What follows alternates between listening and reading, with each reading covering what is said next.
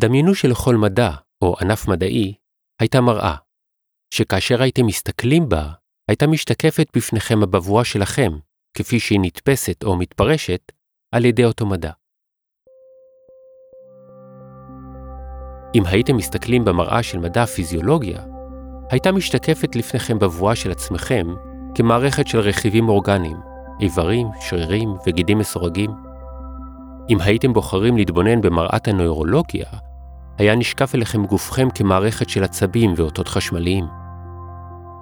המראה של הביולוגיה היא מראה מעניינת במיוחד. מתוכה השתקף בפניכם האדם הניאנדרטלי, ומאחוריו בשורה יעמדו הומו ארקטוס והומו הביליס. עמוק יותר אל תוך המראה, ייתכן וניתן יהיה להבחין בדמותו של קוף קדמון.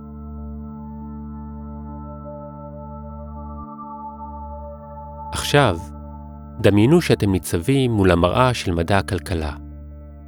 מה אתם רואים כאשר אתם מתבוננים לתוכה? איזו דמות משתקפת אליכם?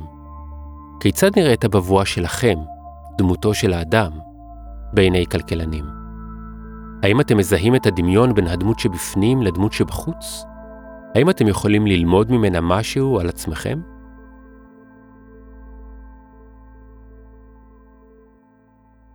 בפודקאסט תולדות המין הכלכלי, נברר את המאפיינים של הדמות הזו, הדמות שלכם, המשתקפת אליכם מן המראה של מדע הכלכלה. זה יהיה מסע בזמן, אך גם במרחב, בין ארצות ויבשות, מסע שיעבור בין תיאוריות מדעיות וגישות חברתיות. לא פחות מכך, זה יהיה מסע מלחמה של התנגשות אידיאולוגיות. במהלך הפרקים נגלה כיצד כל אלה השפיעו, ועדיין משפיעים, על אופייה של דמות האדם אותה רואים, בוחנים ומבינים כלכלנים.